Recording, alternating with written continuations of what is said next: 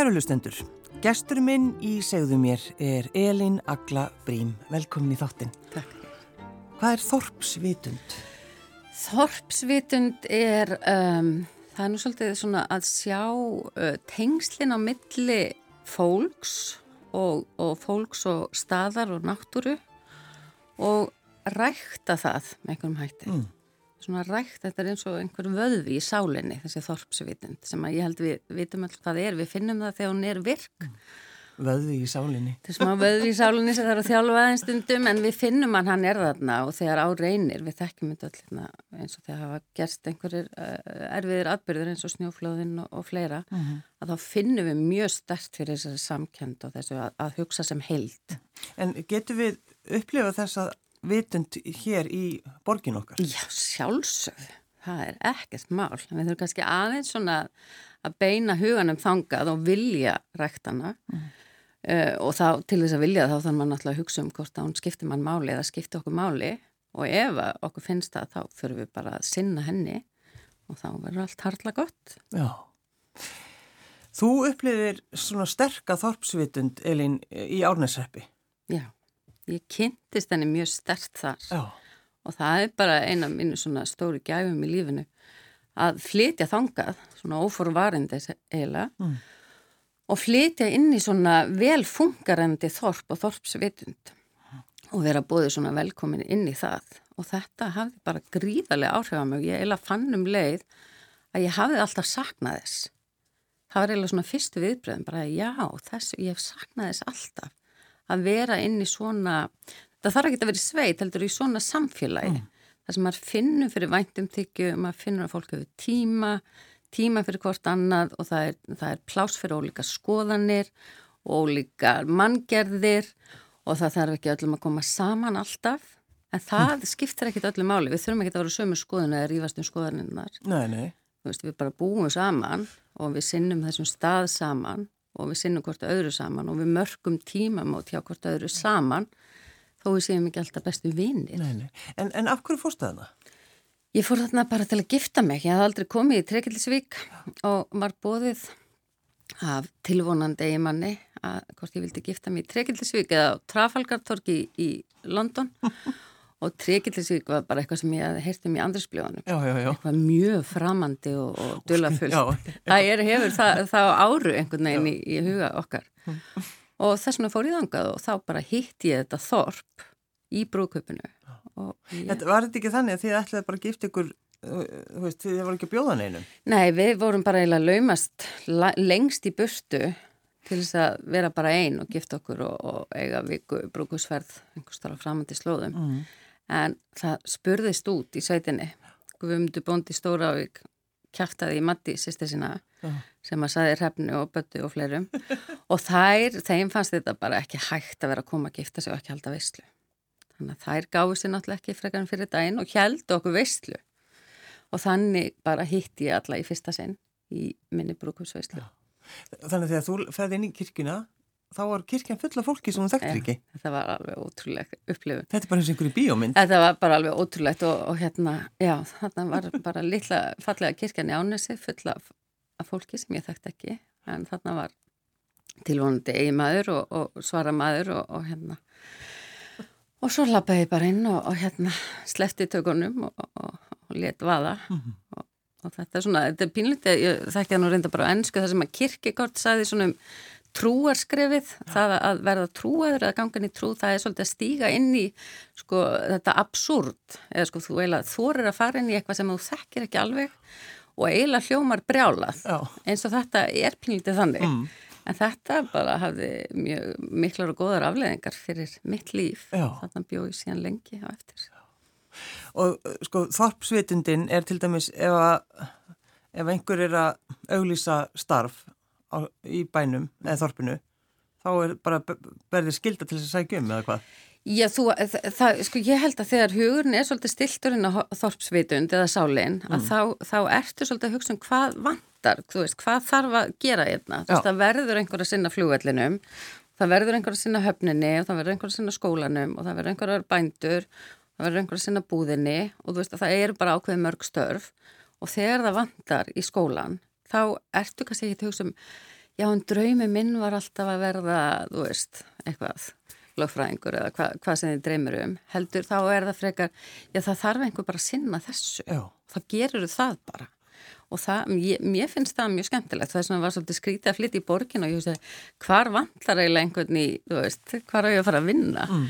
Ég veit ekki alveg hvar vantar svo vantar svo mörgu stuðum en, en þarna er þetta svo skýrt Já. að þetta er svo lítið Þannig að þú verður skólastjóri í Fimbóa staðaskóla það sem eru tveiri nefnundur Já, árið fyrir hrun 2007 Já. og, og hérna og ég bara fór inn á skrifstofu og ég hafði ekki kent á þur og við fengum undan þá af því að það var engin annar til að sinna starfinu Nei. Þannig ég fer bara inn á skrifstofu fyrir að lesa þess að námskrátnar og byrja um hvað er barnaskól hvað á að kenna og ég Já. þarf bara að leggjast í þetta og svo er ég með þessar tvær eindislu stelpur þarna 7 og 10 ára og svo náttúrulega frábæra samstarfskonur sem að örðu sig að mínar bestu vinkonur og, og hérna þannig að það var mjög, það var alveg krefjandi og, og miklu meira krefjandi heldur en að hljóma kannski að vera bara með tvo nefndur en þú ert að kenna tveimur mismönda árgöngum og mjög mörg fög sko. Já, já, já. En þetta er náttúrulega bara hjartað í samfélaginu og þannig þarna fekk ég að kynnast kynnast því Og er, hvernig er skólinn sjálfur? Er, er, hann stór? Er, Nei, hann er alveg rosalega fallegur og Já. það er, ég held, það hefur allan að verið síðustu sumar að það sé hægt að, að gista þar bóka gistingu í Fimbáðstafskóla Já. hann er Guðjónu Samúlsinni og hann er bara indislegur, þetta er bara eins og komin á heimili, þú veist, eldhúsi er bara eins og sveita eldhús og hrefna var matráður hérna allan að 25 ára ekki 26, þannig að hún eldaði alltaf mat og svo bara setjum við borðin í eldhúsi og eh, bara indislegu staði sko og svo náttúrulega bara horfur upp í fjöllun upp í Fimbúastafjall og beint út á Tryggillisvík og selirnir hoppa og gríjan skrækir og það er bara En sko. Elín, þetta, þetta Mm. að fara í ánurseppin, þetta bara bre- breytir lífið þín. Já, það er bara, þetta er bara eins og, maður sér, maður sér það náttúrulega betur þegar maður lítur tilbaka en þetta er bara mín örlög að lenda í þessu, Já. Lenda bara í Já. bara lenda í því. En þá langar mig aðeins að tala við þig um þegar að, að þú tjaldaðir hyrðinga, hyrðingatjaldinu. Hefur ekki að tala um það? Já, Þó sé kannski ekkit vola gaman því að það var svona, já, var allt vola leðilegt. já, það er náttúrulega sko þorpsvitund er ekki eitthvað sem er bara gefið og er svo bara fast og alltaf Nei, og hérna alltaf get- fuglasöngur. Nei, nei, það er ekki alveg svo leiðis en það er stundu stormur og leiðinda veður og svona. Og já, það gerist þarna að það koma upp virkjana hugmyndir eða tillur, ég veit ekki hvað að kalla þetta. Og það verða mikil átök í sveitafélaginu og það kemur líka mikil áhug utan frá, þú veist, frá öðru fólki á því hvað verður gert í því máli og, og þetta verður svona bara mikið hitamál inn í samfélaginu. Og þú einhvern veginn ferð þarna blandast inn í þetta. Já, ég er bara hérna í þessu miðju, ég er sko norður fyrir bí, norður fyrir þá, bí sko eldur sem mitt er fyrir ofan sveitastjórnarskrifstofuna, ég er á höfninni og þarna er ert bara svona... hafnarstjóri, það ekki? Já, þannig að þarna er bara suðu punkturinn og, og, hérna, og þetta var náttúrulega skrítið að hugsa tilbaka, það er sveitastjórnarkostninga voru og þetta er svona hitamáli þarna, það verður svona kostninga. Uh, svona mix eitthvað, fólk er að flytja lögheimili sitt og þetta verður svona, fer allt í háaloft og fjölmila hafa gríðarlegan áhuga á þessu. Þú það var bara ta- var talað um þetta bara hver með einsta bara vissu allir um sveitastjórnarkostningarnar í ánuseppi og, og, hérna, og ég las bara um hvað mínir nágrannar voru að gera bara á, vísir.is og, og og, og hérna, þetta var mjög undarlegt ástand en þetta var, þetta var mjög hérna, það var mjög erfitt að, að upplifa þennan fleig sem kom á milli fólks. Mm. Og fyrir mig var ekki síður erfitt að upplifa hvað, hvað svona harnaði aðeins brjóstið í mér þú veist, þegar maður fer inn í svona átök að það, það er líka erfitt að sjá því sjálfum sér koma upp, Mhm. svona einhverja hörku og miskunnarleysi og, og svo leiðis. En þannig að þú tjaldar uh, hyrðingja tjaldinu þínu Já, og þú færð bara rosalega bara, viðbrögð. já, þetta verður sko ég, það, og þá af því ég haf, var sagt, talaði mjög skýrt á móti virkjun, að þeir sem voru svona berjast fyrir virkjun og, og, og voru mjög um það að þeir einhvern veginn höfðu misast að þá bara í þessum flokki, þetta er eins og bara eitthvað ættbólka stríð, þannig að ég var bara, þú veist, brjálaður virkjana anstæðingur held ég Já, þeirra já, huga. já. og svo er þetta í einhvern veginn í umræðinu, ég ætla að setja upp þetta tjald, þetta er eitthvað skrítið tjald og, og ég ætla að setja upp á seljanissi sem svona er með útsýn hérna yfir heiðina það sem var talað um að virkja og, og þetta fólk sem að það einhvern veginn beita í sig held ég að þetta er einhverja mótmælabúðir veist, eða ég veit ekki alveg hva, hver hugmyndin var en það átti bara að koma í veg fyrir að tjaldi myndi rýsa og það var bara sendt hótunabrefin á sveitastjórnarskristofu og, og, og mér bara sagt að það er þið tekið niður og, og hérna, vinnuflokkur og Reykjavík sendur og Og þetta voru mjög svona undarlegar tilfinningar sem að, sem að komið þarna upp á yfirborðið sem beintu skemmt tjaldinu. Já. En tjaldi var bara þjóðmenningabíli og það var bara fyrir fegurð og bara að koma saman. Mm. En einhvern veginn, þannig að það var mjög skrítið að, að sjá svona eitthvað svona lítið og fallegt og viðkvæmt hafa svona mikil áhrif og kveikja svona sterkar tilfinningar. En þú tjáldaði í það ekki? Já, já, tjáldaði, tjáldaði tvö sumur á Sæljanissi. En, en það kom engin vinnuflokkur? Nei, þeir komu svo ekki. Það, þetta var þess að svona bara hótun í rauninni, já. svona hræðslu áróður kannski. Sem er náttúrulega ekki, það er ekki gott. Nei, þetta var bara einhver svona svolítið, þú veist, ég hef ekki þetta mótið gamle köllu, það er eiginlega mín uppáhalds manngjörð, en þetta voru svolítið svona gamle kallar að frekjast já. og hóta mér, já. þú veist. Ég, sem er bara ósættanlegt já, bara þú veist, ég er bara reyna að gera eitthvað fallegt og gott og þó ég var ekki hrifin að virkun að þá var ég samt bara reyna að gera eitthvað fallegt og gott með tjaldinu. Mm. en það er svolítið svona sko ótrúlegt að upplifa svona því þú talar Elin um þessa þorpsvitund og allir við hjálpum stað og þú veist, ef það vantar rjóma þá bara kemur við með hann úr bænum því að það var ekki rjómi í kvörfjölaðinu og, og allt þetta og svo gerist eitthvað svona. Já. og þá fer allt.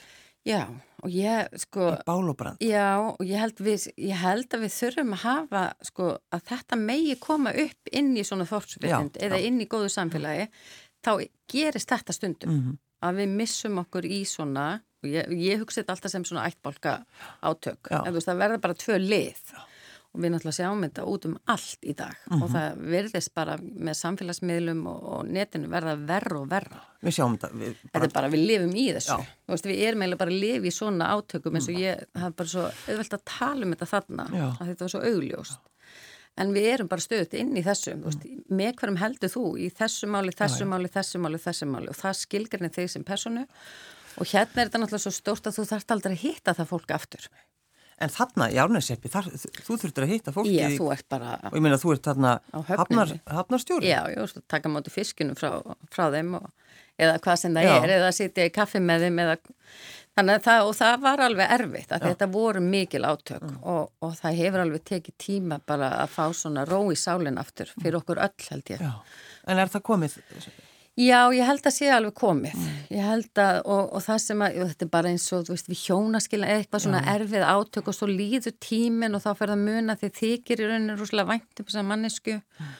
og mér finnst það að vera, hjá mér, ég veit að tala ég bara fyrir mig, já, já. en mér þykir bara rúslega væntum þessar nákvæmlega mína og það að, að eigða hérna mörgum vetrum í þessu fámenni og svona vera svona afskægt, það er bara eitthvað sem að býr með mér alla tíð, það verður ekki tekið í burtu og, og hérna að, að þá, sé, þá er bara maður mann skaman og það fólk þó það svo vildi virkin það skiptir engum máli, ég elska það ef mikið sko.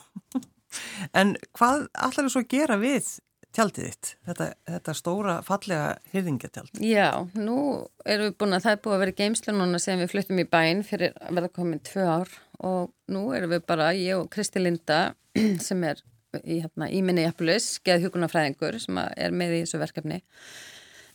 Við erum búin að hugsa og ákveða að þjóðmenningabílið á alveg heima í borg mm. eins og í sveit. Við þurfum jafn mikið á því að halda hér eins og þar. Og nú er bara að afsaki, koma þessu af stað og við erum að hefja söpnun til að byggja undurstöðu fyrir tjaldið hérna mm. á höfuborgarsvæðinu En sko þjóðmenningar bóndi? Þú, þú ert semst það? Já Ég get nú sagt þessu, nei. það var þegar ég var í, í áninseppi 2014, þá hafði ég sérst að flutta hans í bæin, þá var þetta hjónaskilnaður hjá okkur og fluttum í bæin með badnið og svo kallaði það svo á mig að fara aftur, að ég flytt aftur með fimmar á badnið, norður. Já, þú bara, þú, þú gast ekki sleft. Nei, ég var komin hinga, fór í mastisnámi umhverjus og auðlindafræði, ætlaði að skilja þetta út frá akademíunni, þú veist, menningarlega sjálfbarni, hvað er það og eitthvað svona, en svo hugst ég bara, æg, þú veist, ég fyrir bara aftur já. norður með Jónu litlu og, og þannig ég flytt hangað og fólki finnst það frekar skrítið, já. þannig ég heyri frá vinkunum minni í sveitinni að það sé fólk að ringja og spurja hvað er hún eiginlega að gera? Af hverju er hún komin? Og önnur þessi vinkonum minn sem sagði mér þetta, sagði, hvað á ég að segja þú sér þetta að gera? Og ég sagði, ég býta þess ég ætla að hugsa þetta. Og þá, þá dætt mér þessi titill í huga, því ég var ekki með neitt hefbundi starf Nei. og vissi ekkert hvað ég ætlaði að fara að gera. Ég var að býða eftir að heyra hvað vantaði. Já, hvað vantaði, já. Þannig- Hefur til, til dæmis bara að fara að vinna í kaufilæginu? Já, bara hvað sem er, Já, bara já, það sem er laust, Já. en það var ekkit laust og þá bjó ég bara til þennan titil sem var bara svolítið grín, en samt ekki. En samt ekki, sko. Samt ekki, og Já. það sem gerist var að fólk fór, fór svo upp, bara hvað segir þjóðmenningabóndin og, og þá fór ég að það er eitthvað, það er eitthvað í þessu, eitthvað skemmtilegt. Og, og hérna kveikir svona eitthvað ímynduna hjá fólki. Og þegar ég satt einu svona út á kaufélagsplani og var með kaffi og blaðið að lesa um morgunin og kemur hérna eitt bondi, vinni minni sveitin, hann Ingólfur og það er þess að slátufélagsfundur upp, í, uppi á kaffehúsi bændunni streymaði til að fara slátufélagfund og ég sitt bara og hérna, náðu upp þetta nóti og Ingólfur kallar á mig, hvað ert þú ekki að koma hann að fund? Þessi, nei, ég, ég er ekki að fara slátufélagsfund þú ert bóndi. Já. Segi, ok, þannig að ég fór og satt fundir sem þjóðmenningabóndi þannig að ég er svona hlúða þessum starfstilli síðan. Já. en ég er líka sjálf bara en þá velta fyrir mig hvað hann þýðir En eh, hvað, hvað, hvað ætlar að gera við þetta? Þetta er svo... Ég segi bara eins og, eins og þeir í ánæsipi, hvað ætlar já, að gera? Já, já, einmitt, ég, hérna við ætlum að setja upp tjaldið Já. sem þjóðmenningabíli og, og það ber nafnið Þetta Gimli Þetta gimli. Þetta Gimli og Gimli eru þetta, þetta nafn sem að, sem að hérna, Íslendingarnir nefndu bæinn sinn í Kanada Jú, jú. þegar þið flytja hérðan og það er hörmungar ganga yfir og þá nefna, og mér finnst alltaf svo áhverftur skildu nefna þennan bæ úr goðafræðinni Já. þú veist, þetta er mjög, er mjög kristi fólk mm. mismöndi trúarhópar og svona all kristið en þau nefna það Gimli þannig að það er eitthvað minni en það um hvað það þýðir Já, já. Og að því ég hef farið mikið til Kanada, hef verið að fara í skóla hérna svo ári að þá, þá hef ég verið að hugsa mikið um þá sögu og svo þegar ég vildi setja upp eitthvað þjóðmenningabíl hérna, þá hef ég Svo fannst mér rosa sniðið þetta ég myndi kalla það nýja gimli. Já. Veist, það væri svona öfugt, það væri að koma til Evrópa aftur eitthvað. Bara það undir kennarar minn, þetta undir Kanada, væri ekki sniðið að kalla þetta New Gimli en Æsland eitthvað. Já. Og hún fannst það ekki droslega Nei. Hann sagði að það væri svolítið problematik þetta þegar var að flytja yfir á milli kultúra eins og gerist með New York og New England og allt þetta. Og hann stakk upp á hvað með að kalla þetta bara þetta gimli. Þetta er ekkert nýjaða gamla og þetta er ekkert aðalgimli. Nei, þetta er bara þetta. Þetta er bara þetta gimli. Já, nú skil ég þetta. Þess vegna heitir þetta þetta gimli. Já, og veist, gimlið þetta, það sem var leitar skjóls, Já, það að er náttúrulega er að farast. Já, þegar Ragnar og gríða yfir og eldurinn er að brenna allt saman, að þá er eitt skjól frá eldinum og Þá það er gimli. Þá eru við þar. Og það á þessum tímum í þessari borg, hérna í Reykjavík, þá er það í svona mongolsku hyrðingatjaldi. Mm. Þetta skjól frá eldinu. En það er eitthvað við það að lappa inn í svona tjald. Það er bara eiginlega ólýsanlegt. Þú, bara, þú veist það ekki fyrir að þú bara lappa sjálfur inn í svona tjald. Og, og að því að tjaldi stóð þarna í tvö sömur í ánuseppi að það var svo mikið fólki sem kom og ég sá bara áhrifin af fólk. Ég fann þau náttúrulega sjálfur mér. Þannig að sjá fólk koma þarna inn, veist, svona, þetta frekar láreist, þú veist, að beigja höfuð og ferð inn um hurðina, svo opnast í þetta þessar handmáluðu súlur og það er eldur í miðjunni og það er sæti, svona lásæti og þetta er bara, hefur bara svo mikil áhrif á sálina Já, að vera inn í þessari fegurð að það er bara kingi magnað í sjálfu sér. Já. Fegurðin. Já, fegurinn við verðum að hafa fegurina. Sko og ég held, auðvitað náttúran alltaf falleg og þú veist, hún hefur mikil áhrif okkur en það er eitthvað við fegurina sem að mannfólkið skapar sem að nærir heiminn. Þegar maður hugsar hvað, sko, ekkert í heiminum þarf á mannfólkinu að halda. Þú veist, visskerfinu öll, þau þurfa bara ekkert á okkur að halda. En við þurfum á að þau séu algjörlega heilbrið og þetta gangi, við þurfum á öllum þessu skortur um bíflugun alveg sérstaklega. Og bara við þurfum allt í heiminum til þess að við fáum lifað, til þess að við fáum matinn okkar og næringuna. Við gleymum því stundum. Við gleymum við alltaf og oft, en við þurfum ekki mikið til að stilla okkur inn á það og þá kemur þetta þakklæti og þá fer maður að hugsa, hvað getur við gefið heiminum? Af því að þegar maður finnir þakklæti, þá vil maður gefa eitthvað tilbaka. Og það sem að mannfólki hefur, af því að þau þurfa ekki á okkur að halda, náttúrun þarf ekki á okkur að halda en við getum skapa fegurð þannig að sko bara handverk eða prjóna peysu, allt sem þú býr til með höndunum, því að þetta og þauðmálfingurinn er einhvern veginn töfra tæki okkar sem getur gefið heiminn tilbaka sem þakklættisvott fyrir lífið okkar. Já. En þú nefndi Kanada, þú fer þangað í skóla, hvað hva, hva skóli er þetta? Já, hann heitir sér satt á ennsku Orphan Wisdom School og er hérna stopnað manni sem heitir Stephen Jenkinson og hann er uh, hans er merkilegur maður og, og svona áhrifða mikill, hann er guðfræðingu frá Harvard og hann var lengi við svona, hvað heitir það, svona líknadeildum, mm. uh, palliative care og er svona menningagreinir og hann stopnaði hennar skóla 2010 held ég, út í sveit og við komum þarna saman tvísor ári í viku í senn. Mm og þetta er, það er engi sérstök lýsing á skólan, þetta er ekki svona skilgreynd eins og þú ferðið kurs upp í háskóla. Þá er þið sagt nákvæmlega hvað þú lærir já, já. hvað þú græðir á því og hvernig þú getur nýttir þetta. Og bara það er þetta og þetta og þetta og þetta A, B, S, J en þarna er þetta svona veist, þetta er skóli fyrir alla sem að veist, mun ekki lifaði í lifu já. Ok, Já. og þetta er skólu um eitthvað svona, við kallum það einsku deep living, kannan ekki alveg það en þetta er svona, þetta, úrst, að skoða menningun og söguna og reyna svolítið að átta þig á ströymanum og hvert við erum að fara sem samfélag og svona hvað skiptir máli og, og þetta snýst mikið um fegurðina og, og rækta tengsl við náttúruna og, hérna, og yfka þorpsvitund, þetta er voða mikið það sem er í já, þessu. Sko. Já, ég bara vissi ekki að vera til skóli um þetta. Mm -hmm. En þú, sko, þú vilt fá þetta einhver staðar og ert að sapna það ekki? Jú, við byrjum á að sapna fyrir undirstöðunni og það er svolítið til þess að setja þetta bara út til fólks Já. og segja að veist, hvað finnst ykkur eigum að gera þetta?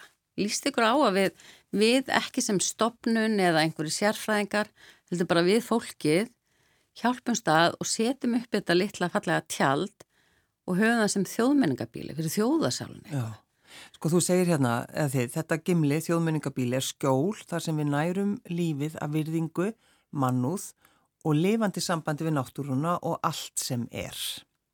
Og kjarnin eins og þú segir í hugmyndanum fræðinni má segja að sé þorpsvitund. Það er að næra tengsl manna á milli, tengsl við staðinn og tengsl við hinn lifandi heim. Þetta er náttúrulega mjög háflegt sko, en þetta er, þetta er svona aðeins viðbrað að því að við erum öll að reyna eitthvað að laga okkur og finna út úr þessu og við erum í alls konar meðferðum og, og heilsurræktum og hvað sem þetta heitir en það er svo oft bara á einstað, við erum að fókusa á okkur sjálf mm. sem er ekkert af því en þarna erum við svolítið að reyna að fókusa á tengslinn á milli okkar og milli okkar og náttúrunar mm.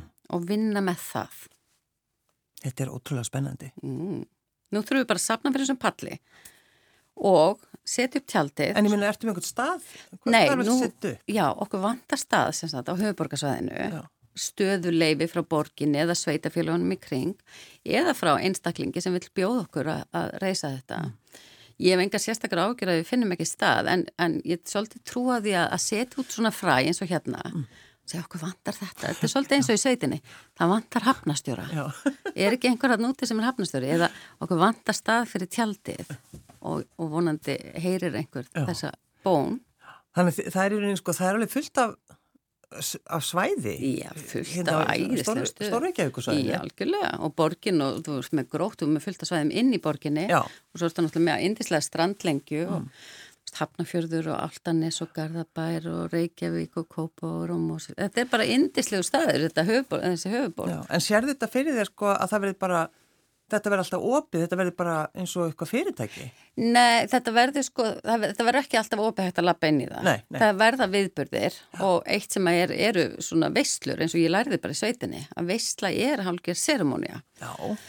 Þannig að sko við erum að stundum að leita einhverju svona exotískum seremónium frá Suður Ameríku eða Sýburi eða hvað sem það er, en við eigum reynin alveg formið af seremóni til þess að leiða fólk saman og rækta tengslinn mm. og þegar heldur góða veistlu að þá er ákveðin svona etiketta og form já, já. Og, og það að kunna vera geskjafi og gestur er mikið list og fyrir mér hefur þetta alltaf verið það fallegast af Íslendika mm. það er þetta hvað við erum gestur sinn og það er eitthvað að kunna sig þar og þannig að þannig er svona einhvers konar hugsun sem viðbyrði eða veistlur það sem við skiptum svolítið á að vera, vera gestur og geskjafar mm. og þjálfa okkur í því að því hvernig þú kemur sem gestur skiptir líka rosalega miklu máli hvern, hvað þú kemur með, hvernig þú haga þér, hvað þú segir og, og, hérna, og þetta getur útvært yfir bara hvernig þú ert í tengslu með staðin og náttúruna. Mm. Þú nefndir þetta mitt, Elin, áðunum við settust hérna inn að sko, þegar, þegar við erum að bjóða manni í veislu, þú lærðir þetta svolítið í ánægsreppi, að þá segir maður ekki, já, heyrðu ég þannig aðeins að sjá eða þú bara, þú segir já, takk. Já. Þetta er bara, annað er. Já, þetta er bara límið í samfélaginu, já. að við kunnum okkur í, í þessu. Að þegar einhver segir, ég ætla að bjóða þér í veistlu, þarna, 20. mæ eða hvað sem það er, já. að þá bara segir þú já takk og þú mætir því að það er einhver ákveðin skilda sem þú hefur til þess að rækta þetta samband og samfélagi já. og það fer ekkit eftir hvort að þú segir ekki bara já ég ætla bara aðeins að sjá til hvernig ég er þá kannski fer ég bara í bíu eða eitthvað veist, þannig að það, þú, þá erst að hugsa út fyrir sjálfa þig og hugsa um heldina mm. nú hjálpustu við að að gera veistlu eða góða veistlu, gera skap jú, þá þurfa allir að sinna sinu hlutverki og gestir þurfa mm. fyrst og fremst að mæta. Já. Og vera svo kurtisir Já, það er rosalega gott eða eru kurtisir En, en að því við erum svolítið búin að vera að tala um ánisreppin ég vona þessi öll að hlusta. Að, að, að því það er svona að þú veist sem er tala ekki saman eða eitthvað slíkt og, en svo þegar er haldinn veistla eða búið þá eru allir einhvern veginn bara samt Það, já, og það hafði bara mikil áhrif að með að sjá það, því að ég þekkti það ekki komið úr borginni mm. að ef það voru einhver átökuð ágrinningu þá bara hætti fólk að hýttast eða þá ferði bara ekki á þann stað sem þú veist þú myndir hýtta þann sem þú, þú kannt ekki svo vel við. Mm. en þannig er þetta svo lítið að þó að það sé og það er alveg upp á yfirborðinu hverjum líkar ekki svo vel við hvern. Akkurat. En það er ekki eitthvað drama. Nei. Það er bara, þú veist, eðlilegt að við séum ekki öll alltaf í sama, þú veist, koppi eitthvað staðar mm. Þannig að svo bara voru saumaklúpar eða ammælisveisla, þá mættu ég og ég hafði hýrt að þú veist, já þessi er nú ekki droslega hrifna þessum og svo bara horfið ég að sitja saman og spjalla yfir kaffa og kökum og það var ekkert vandamál. Nei og þetta hafði svo mikil áhrif á mig að ég er ennþá að hugsa um þetta Já. og við ætlum að setja upp þjóðminningabíli út af þessu. Það er, það er, það er raunni Það er partur af þessu.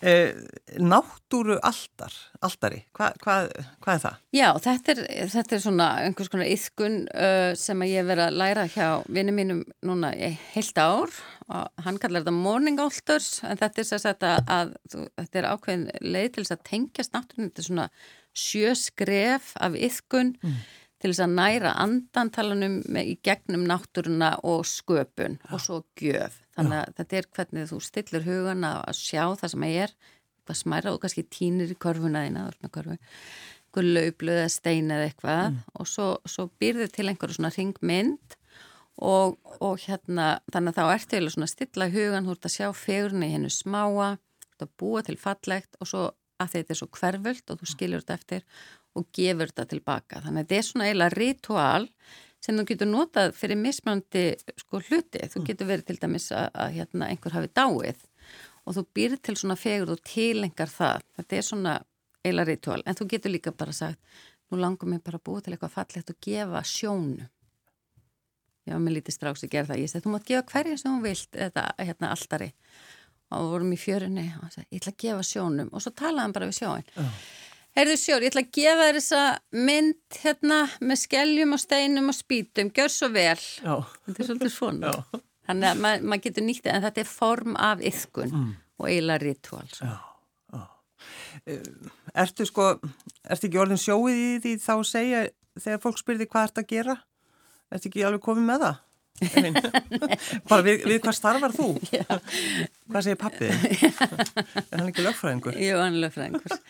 Ég veit ekki hvort hann hafi notað hann að titil þjóðmenningabondi, jú, ég hugsa það nú. Um, Nei, ég, ég bara lifi þannig að ég er alltaf að breyðast við umhverfunu, það er svo mismöndi hvernig við erum. Sem er setjað sem stefnu og bara fara þanga, Já. ég ætla að vera þetta og þú veist, og maður þarf að vita hvert maður vil fara og vinna því, að meðan ég er meira svona, ég þarf að finna hvað þetta, þú veist, og þetta kemur og þetta grær af sjálfu sér. Heimsbygginu þetta? Þú náttúrulega lærði heimsbyggi? Já, já, heimsbyggi og svo bútíska heimsbyggi og bjóði klöstri og alls konar svona, alltaf eitthvað að leita. Mm. Hvar bjóðst þú klöstri? Í norður Englandi. Og það segir mér þetta núna, ég er að fara að hvaðja? Já, þetta er, þú veist, kemst ekki yfir þetta hálftíma. Nei. og varstu þá leitandið eða hvað? Já, ég bara, já, ég held ég hafi mjög svona trúalega náttúru, veist, ritual og svona einhver yðkun og tengja sækja svona dýpri merkingu lífinu til hvað erum við, hérna? þú veist, þetta er bara ég er bara í þessu mm. og hef alltaf verið þannig að Alveg frá því varst bara lítið stúlka? Já, ég held að ég bara, ég man eftir að segja um einhvern fullorinn því ég var krakki sem sagði, hvað viltu verða og er stór oh. og ég man að það var svolítið erfitt að því ég vissi þetta var smá skrítið en ég svona treysti þessar mennesku en ég sagði, mér langar bara að skilja allt því það er stór skilja heiminn bara og hún bara eitthvað, já, maður vil kannski samt svona velja eitthvað aðeins bara En það er rauninni kannski það sem þú ert að gera. Ég er bara alltaf í því. Eitthvað. Að reyna að skilja heimi. Já, og Árnæsarbreyður er alltaf svo stórkostlegur að því að þú veist, hann er svo skiljanlegur og dramatískur og fallegur og þú veist, hættamofir yfir, kannski er að fara í eigði, þú veist, það er Já. svo mikið í þessu og indislegt fólk og náttúrann stórkostleg, þannig að þetta er bara ítir, ég bara hvet alla til að, þú veist, fara í Árnæsarbreyð og, og upplifa þetta. En það er svo gaman líka þegar maður, sko, þegar maður gerir einhver hlut sem breyti lífið manns eins og þetta að þú ferðarna, þú ferði árnæsseppin og bara breyti þér. Já, það er stórkoslega. Það sem betur verið er lífið svona. Já. Það býður upp að það getur verið því að lappa hérna út. Kemur einhver og segir, heyrðu, viltu hérna, eitthvað, viltu setja upp tjaldi hérna í, í garðinum hjá mér? Ég er tilbúin. Já. En að, aðeins, sko, hafnarstjóri? Hvernig er það? Það var alveg rosalega skemmtilegt. Ég bara eiginlega elskaði það mest af öllu. Varstu þá hægt sem skólastjóri? Já, ég var stundum að kenna Viti Skrýms kom og var skólastjóri og það var alls konar skemmtilegt fólk sem kom og var skólastjóri sko. Þannig að, en hafnastjórastarfi er á sumrin. Já. Það byrjaði þetta strandveðna sem byrjaði fyrsta mæ og, og hérna ég þurfti bara að fara, þú veist, liftara-próf og og hérna Já, þú varst að ná í taka fisk Já, ég var að fara að ná í fiskinu á höfn og fara á viktan og skráið og ísan, þú veist, maður alltaf mók alveg bara mörgundur kíla á ís á dag og Já. svo komur sjómenn, þetta er svona millir 20 og 30 sjómenn og eiginlega allir ótrúlega skemmtilegir. Þannig að veist, ég fílaði þetta mjög vel. Ég var reyndar oft bara í kjólum og eirnalokku svona og, og liftarnum og eitthvað svona hérna, svona slettur út um allt og en mér hafst þetta svo skemmtilegt. Já, þetta er sko hafnastjóra eiga að sjálfsögur í kjólum. Já það var bara mjög flott, hvítu kjóla svo slúrið komið yfir hann að kvöldin og svo þóðum hann bara það var rosalega gaman og líka bara gaman að sjá fiskinn koma, þú veist þetta er svo mikið alveru staður, þannig að verða til bara bókstaflega næring mm. fyrir lífið. Og svo sér þau verðmætin. Já, og allir gladir og sumar og ströndum en allir bara æðislega sko. en var þetta ekki svolítið mikil vinna að vera já, já Það er það alveg, já. en þetta er samt bara fjóri dagar, þú veist, þetta er bara svona akkurið fjóri já, já, daga og maður er rúslega þreytur og svo mm. bara fer maður og lappar um berfættur einhverstað í fjörunni nær sér og streik aftur. Já, en framöndan Elín, það er bara á Karolina Fendur, það ekki? Já, það er bara. Fólk getur skoða, þeir sem að núna eru búin að leggja við hlustir. Já, endilega. Bara að vera með, þetta er bara svolítið svona skemmtilegt og gera með eitthvað öðruvísi. Já, og svo við glemdum alveg að tala um að, að þú sér þetta fyrir þér tjaldið og svo verður byggt yfir tjaldið. Já, það er svona næsta skrif. Fyrst erum við bara að setja þetta út, sjá, það skipta náttúrulega máli hvort fólk hafi áherslu eða ekki. Já, þetta já. er ekki svona business, skilur við. Þetta er svona, þú veist, viljum við gera þetta saman. Þannig að mm -hmm. nú erum við svona að kanna, kanna það og svo söfnum fyrir pallinum, byggjum hann, setjum tjaldið upp í sumar og verðum með viðbyrði og svo náttúrulega fyrir að kóluna og blása og þá ef við ætlum að hafa þetta sem helsashús þá viljum við setja svona kallað geodome, kvelving yfir akkurat. sem er mjög hátt sagt, þannig að það er svona plás og pallu fyrir framann, svona hálfgeir gróðurhús Já. það er svona sínin mm. og svo ætlum við náttúrulega bara að vera með menningabildingu sko.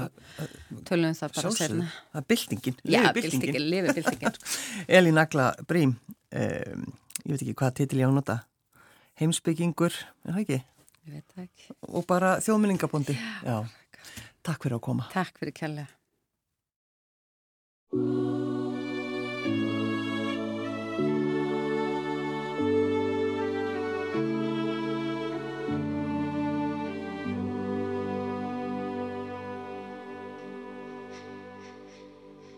I love to speak with Leonard.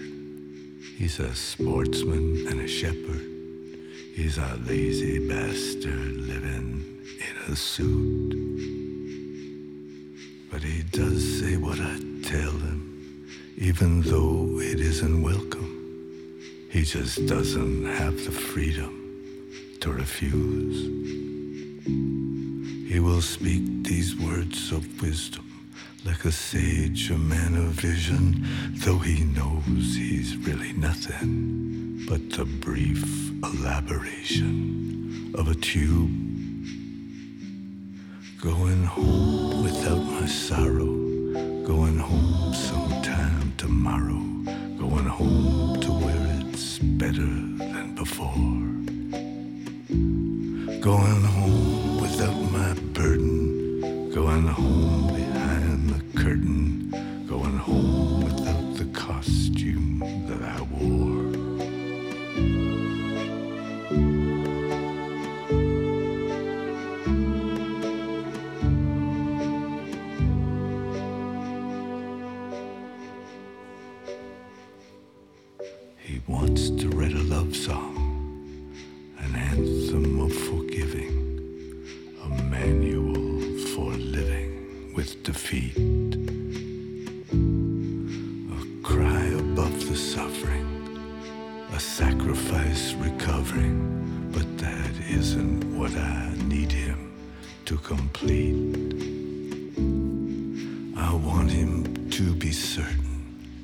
he doesn't have a burden, that he doesn't need a vision, that he only has permission to do my instant bidding, which is to save.